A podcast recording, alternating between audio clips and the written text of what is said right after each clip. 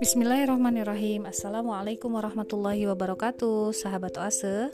Berjumpa lagi dengan saya Yuli Di rubrik kisah sahabiah Alhamdulillah di hari ke-16 Ramadan ini uh, Kita masih diberikan kesehatan ya Masih diberikan kelancaran dalam melaksanakan ibadah Ramadan Mudah-mudahan kita disampaikan hingga ke akhir Ramadan dan mendapatkan uh, apa yang dicita-citakan oleh kita ketika memasuki bulan Ramadan, yaitu mendapatkan derajat takwa. Amin ya Allah ya Rabbal alamin.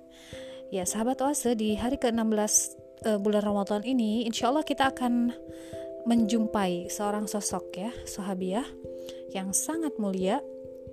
Beliau adalah Ummu Sulaim radhiyallahu anha ya. Nah, uh, Ummu Sulaim ini uh, menurut beberapa versi ya di dalam sirah ini nama aslinya itu ada yang mengatakan Sahlah, ada yang mengatakan Ramilah, ada yang mengatakan Rumaisah. Ya, ada yang mengatakan Malikah, ada yang mengatakan Humaisya. Nah, uh, yang lebih masyur itu nama asli beliau adalah Rumaisah ya, Rumaisa atau Humaisya ada di dalam hadis Humaisya.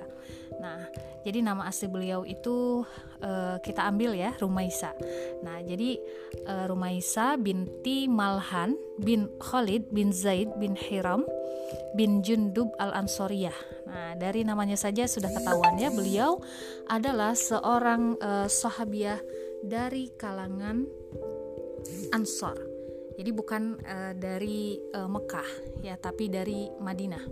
Masya Allah ya. Nah, dan uh, Ummu Sulaim adalah seorang ibu dari sahabat Rasulullah Shallallahu Alaihi Wasallam yang sangat terkenal dan banyak sekali meriwayatkan hadis. Siapakah dia? Dia adalah Anas bin Malik radhiyallahu anhu. Siapa yang tidak kenal dengan Anas bin Malik ya? Banyak sekali kita ketika menemukan hadis itu an anasin an anasin gitu kan ya dari anas dari anas gitu ya. Nah sangat wajar sekali anas ini kemudian banyak meriwayatkan hadis karena beliau adalah orang yang paling dekat ya secara fisik begitu ya dengan Rasulullah Muhammad Shallallahu Alaihi Wasallam. Beliau adalah pelayan Rasulullah Muhammad Shallallahu Alaihi Wasallam yang ketika di usia 10 tahun uh, manakala kaum muslimin uh, muhajirin berhijrah dari Mekah ke Madinah Ummu Sulaim yang telah terlebih dahulu masuk ke dalam Islam ya sebelum berjumpa dengan Rasulullah menyerahkan jiwa raganya Anas bin Malik ini kepada Rasulullah Shallallahu alaihi wasallam untuk dijadikan pelayan baginda Rasulullah Muhammad Shallallahu alaihi wasallam dan Rasulullah menerimanya. Masya Allah. Jadi memang cita-cita terbesar dari Ummu Sulaim uh, kepada anaknya Anas adalah bagaimana Anas ini bisa selalu dekat dengan Rasulullah Muhammad SAW dan cita-citanya Alhamdulillah Allah kabulkan. Nah ya, jadi ketika uh, Islam ya diemban oleh Rasulullah Muhammad Wasallam mulai merambah tanah Arab. Nah, Ummu Sulaim ini termasuk di antara uh, wanita yang sangat cepat sekali menerima Islam. Beliau uh, mencintai Islam dan dengan segenap jiwa raganya beliau menerima uh, Islam ya uh, dan kemudian masuk Islam. Ketika itu, suaminya yang bernama Malik bin Nadar, ayahnya Anas ini, uh, sedang tidak ada di rumah, sementara Ummu Sulaim memutuskan untuk masuk Islam. Dan ketika pulang dan mendapati istrinya masuk Islam, dia pun marah besar dan meminta istrinya untuk kembali ke agama nenek moyang mereka. Tapi Ummu Sulaim tidak uh, apa namanya tidak berubah ya, tidak bergeming, beliau tetap dalam pendiri pendiriannya karena sudah terlanjur mencintai Islam dan merasakan lezatnya hidup dalam naungan Islam. Nah, uh, pada kondisi seperti ini Ummu Sulaim yang saat itu sudah memiliki putra bernama bernama Anas, beliau pun kemudian mengajari Anas ya untuk uh, memeluk Islam, mengajari dua kalimat syahadat ya sehingga uh, Malik ayah Anas ini lebih marah lagi dan berkata kepada uh, istrinya ya kepada uh, Rumaisya, "Jangan kau rusak putraku." Dan saat itu Rumaisya menjawab, "Aku tidak sedang merusaknya." Nah, ketika Ummu Sulaim semakin lantang ya uh, berani begitu mengajari anaknya mengucapkan dua kalimat syahadat, mengajarkan iman, mengajarkan Islam. Ini um, Malik uh, apa namanya keluar rumah dengan marah. Saat keluar rumah itulah Malik bertemu dengan musuhnya, lalu keduanya duel hingga kemudian Malik pun terbunuh. Nah, uh, sehingga akhirnya Rumaisya uh, hidup menjanda ya dan beliau menghadapi kehidupan tanpa suami dengan tabah dan uh, beliau kemudian uh, berjanji tidak akan menikah sampai Anas merestuinya. Artinya menunggu Anas e, dewasa terlebih dahulu. Nah e, meskipun ya Anas tumbuh sebagai anak yatim tapi karena memang Ummu Sulaim ini merupakan wanita muslimah yang sangat tangguh sangat matang nah sehingga Anas ini tidak pernah merasakan uh, penderitaan seperti layaknya anak yatim begitu ya. Ummu Sulaim terus mengajarinya uh, agar apa namanya uh, dia memiliki keimanan yang kokoh, menanamkan rasa cinta kepada Allah, kepada Rasulnya ya.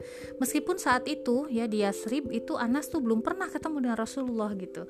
Nah, maka ketika Rasulullah dan kaum muslimin di Mekah ya, muhajirin uh, berhijrah ya diperintahkan Allah untuk berhijrah ke Madinah betapa senangnya mereka begitu. Setiap hari mereka menunggu kedatangan Nabi ya dan ketika akhirnya Nabi sampai di kota Madinah kaum muslimin menyambut dengan sukacita ya jalan-jalan di Madinah dipenuhi dengan banyak kaum muslimin uh, orang tua anak-anak laki-laki perempuan ya. Uh, mereka uh, menyambut baginda Rasulullah Muhammad SAW dengan sangat bahagia tidak terkecuali Ummu Sulaim dan juga anaknya Anas. Nah setelah Rasulullah datang lalu kemudian uh, Ummu Sulaim memberanikan diri ber, uh, apa menemui ya Rasulullah Muhammad Shallallahu Alaihi Wasallam. Lalu kemudian dia berkata wahai Rasulullah anakku Anas yang masih kecil ini aku ridho dia menjadi pelayan Anda. Sudilah kiranya Anda berdoa untuknya.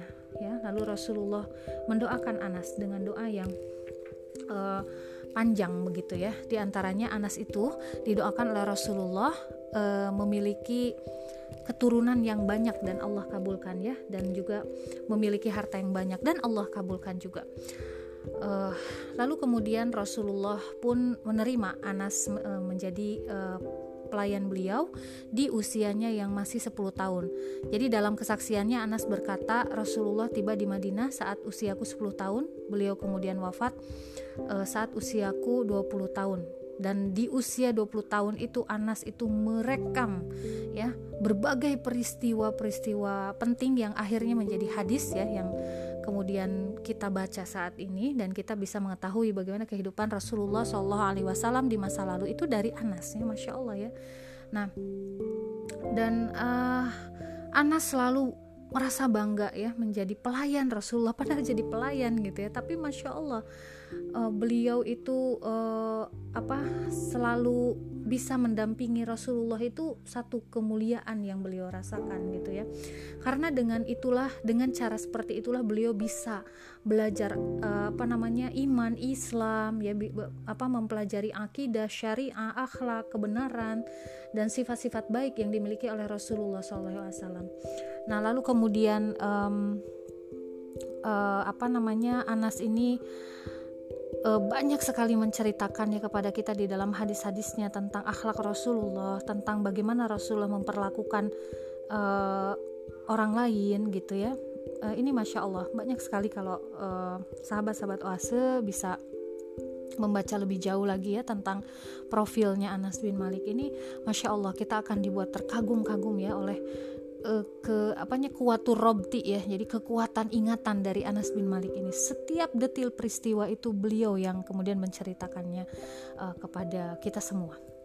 Nah, dan um, Anas bin Malik ya, anak dari Ummu Sulaim dengan tempaan ya Ummu Sulaim ini uh, dengan apa namanya didikan Ummu Sulaim yang sangat luar biasa. Beliau tumbuh menjadi anak yang sangat uh, istimewa begitu ya. Dan beliau itu pandai menjaga rahasia Nabi. Jadi setiap kali uh, pulang Anas uh, bin Malik ini ke rumah ibunya kalau tugasnya sudah selesai gitu ya. Nah, Ummu Sulaim ini selalu kepo gitu. Ya. Apa yang tadi dilakukan oleh Rasulullah? Ceritakan pada ibu gitu. Nah ketika ada suatu perkara yang Rasulullah minta Anas untuk merahasiakannya maka Anas pun akan mengatakan wahai ibu, e, ibunda e, tadi Rasulullah melakukan sesuatu tapi aku tidak boleh menceritakannya kepada yang lain. Lalu Ummu Sulaim itu berkata oh bagus nak. Kalau begitu jagalah rahasia Rasulullah Muhammad SAW jadi sosok apa ya ibu yang memiliki um, skill ya parenting yang sangat luar biasa gitu. Jadi kalau kita mencari referensi parenting itu ya ini Ummu Sulaim ya termasuk yang sangat rekomendasi begitu. Dan Ummu Sulaim ini memiliki uh, apa semangat ya untuk uh, bersegera dalam melaksanakan perintah Allah dan Rasulnya dan juga meninggalkan larangan Allah ya dan juga larangan Rasulnya. Uh, kesaksian dari Hafsah ya menceritakan bahwa Ummu Atiyah pernah berkata kami berbaiat ya kepada Nabi beliau membacakan firman Allah. Jadi eh, Ummu Sulaim ini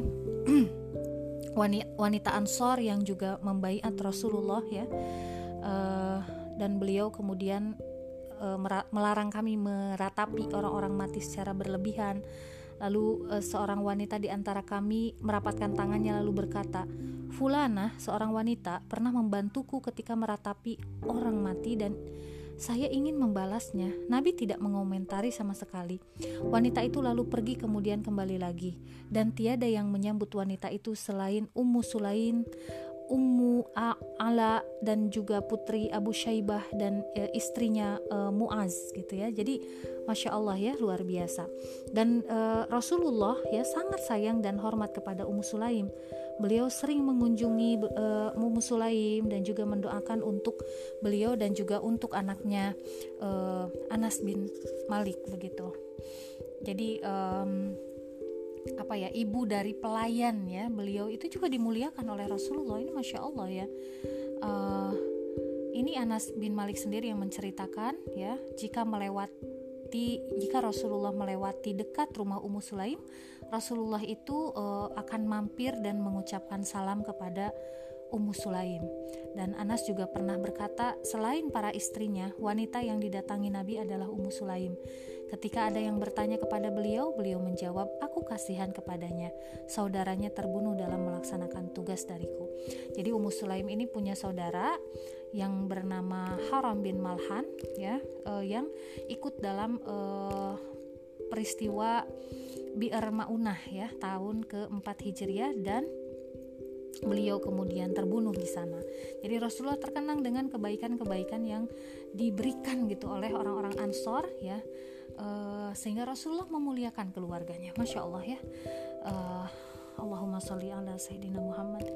Nah uh, ada ada kisah yang menarik sebetulnya dari Ummu Sulaim ini yang betul-betul uh, akan uh, membuat ya kita itu uh, apa semakin mengagumi sosok beliau ya yaitu kisah tentang uh, pernikahannya dengan Abu Tolha, seorang pembesar ya di uh, um, di di Jazirah Arab ya pada saat itu di uh, Madinah yang ingin mempersunting uh, Ummu Sulaim.